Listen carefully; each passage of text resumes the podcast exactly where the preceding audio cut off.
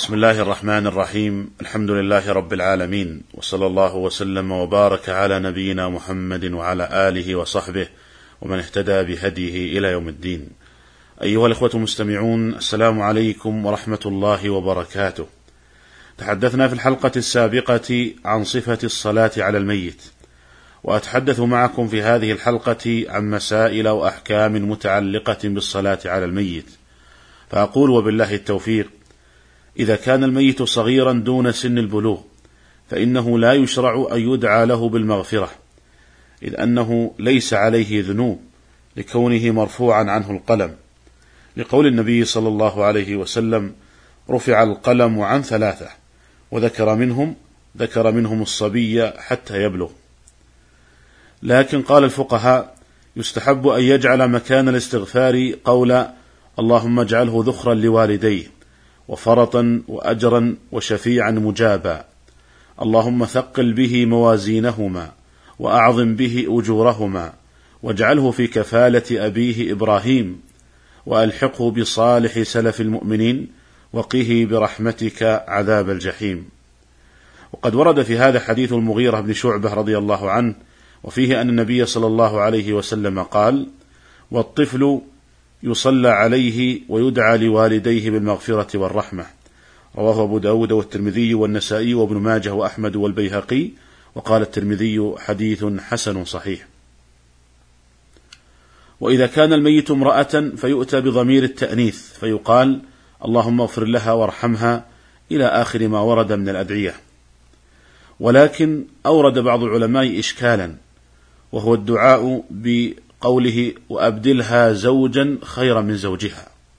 فهذا ربما يفهم منه الدعاء بأن يفرق بينها وبين زوجها وأن تبدل بخير منه.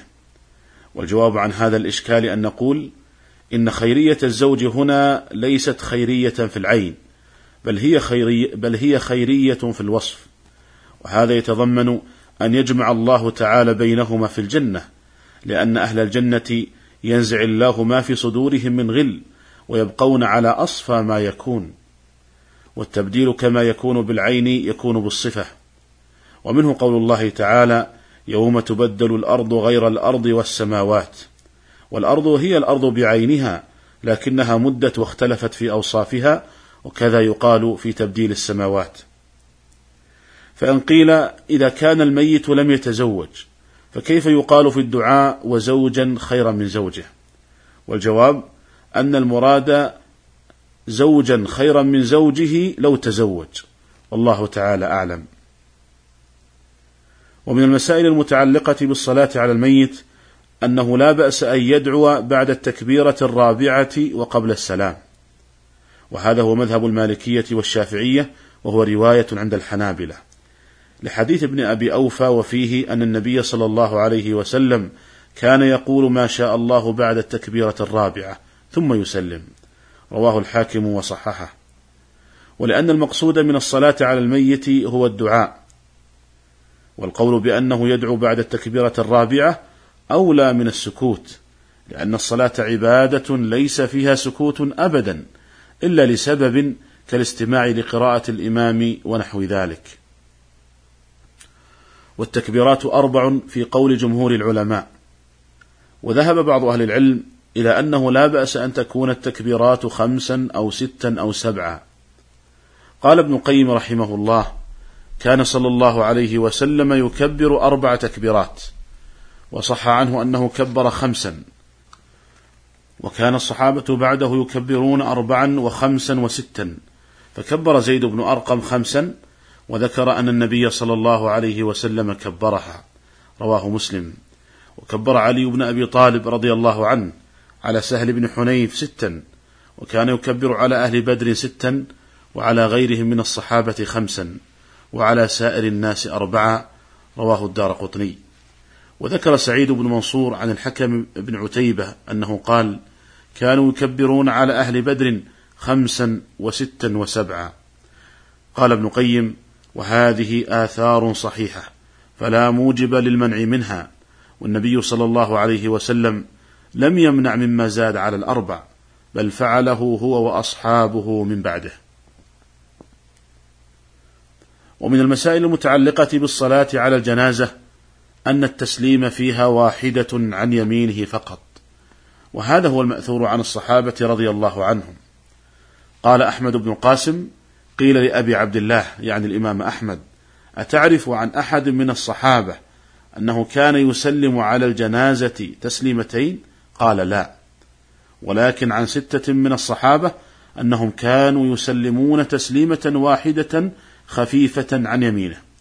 فذكر ابن عمر وابن عباس وأبا هريرة وواثلة بن الأسقع وابن أبي أوفى وزيد بن ثابت زاد البيهقي علي بن أبي طالب وجابر بن عبد الله وأنس بن مالك وأبا أمامة سهل بن حنيف فهؤلاء عشرة من الصحابة رضي الله تعالى عنهم وأرضاهم. ومن أحكام الصلاة على الجنازة أنه يستحب أن يرفع المصلي يديه في كل تكبيرة. قال الموفق بن قدامة رحمه الله أجمع أهل العلم على أن المصلي على الجنازة يرفع يديه في التكبيرة الأولى ويستحب أن يرفع يديه في كل تكبيرة.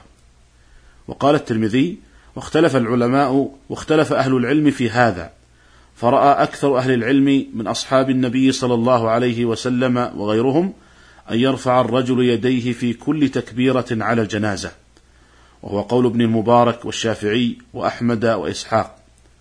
وقال بعض أهل العلم لا يرفع يديه إلا في أول مرة وهو قول الثوري وأهل الكوفة. والأقرب والله تعالى أعلم أنه يشرع رفع اليدين في كل تكبيرة لأن هذا قد صح عن ابن عمر رضي الله عنهما موقوفا وله حكم الرفع لأن مثله لا يقال بالاجتهاد. وقد روي ذلك عن أنس رضي الله عنه والمعنى يقتضيه فإنه إذا حرك يديه اجتمع في الانتقال من التكبيرة قول وفعل كسائر الصلوات فإن الصلوات يكون مع القول فعل إما ركوع أو سجود أو قيام أو قعود فكان من المناسب أن يكون مع القول فعل ولا فعل هنا يناسب إلا رفع اليدين لأن الركوع والسجود متعذران فيبقى رفع اليدين وحينئذ يكون رفع اليدين في كل تكبيرة مؤيدا بالأثر والنظر والله تعالى أعلم. ومن فاته شيء من التكبير قضاه على صفته. لعموم قول النبي صلى الله عليه وسلم وما فاتكم فأتموا. ولكن كيف يكون القضاء؟ الجواب يكون على صفة ما فاته. فإذا دخل مع الإمام في التكبيرة الثالثة مثلا فإنه يدعو للميت حتى على القول بأن ما يدركه المسبوق هو أول صلاته. فينبغي في صلاة الجنازة أن يتابع الإمام فيما هو فيه. لأن الدعاء هو المقصود من الصلاة على الجنازة. ولو قيل لهذا الذي أدرك الإمام في التكبيرة الثالثة اقرأ الفاتحة ثم إذا كبر الإمام للرابعة قلنا له صل على النبي صلى الله عليه وسلم فلربما ترفع الجنازة ويفوته الدعاء الذي هو المقصود من الصلاة على الجنازة. ولكن إذا تابع الإمام فسيأتي بالدعاء على الميت الذي هو المقصود من الصلاة على الجنازة. وأما قراءة الفاتحة فسبق أن نقلنا عن بعض المحققين من أهل العلم كشيخ الإسلام ابن تيمية رحمه الله أن قراءتها ليست واجبة في الصلاة على الجنازة وإنما مستحبة. قال أبو الخطاب رحمه الله إن رفعت الجنازة قبل إتمام التكبير قضاه متواليا وإن لم ترفع قضاه على صفته. أيها الإخوة المستمعون هذا ما تيسر عرضه في هذه الحلقة ونلتقي بكم على خير في الحلقة القادمة إن شاء الله تعالى. والسلام عليكم ورحمة الله وبركاته.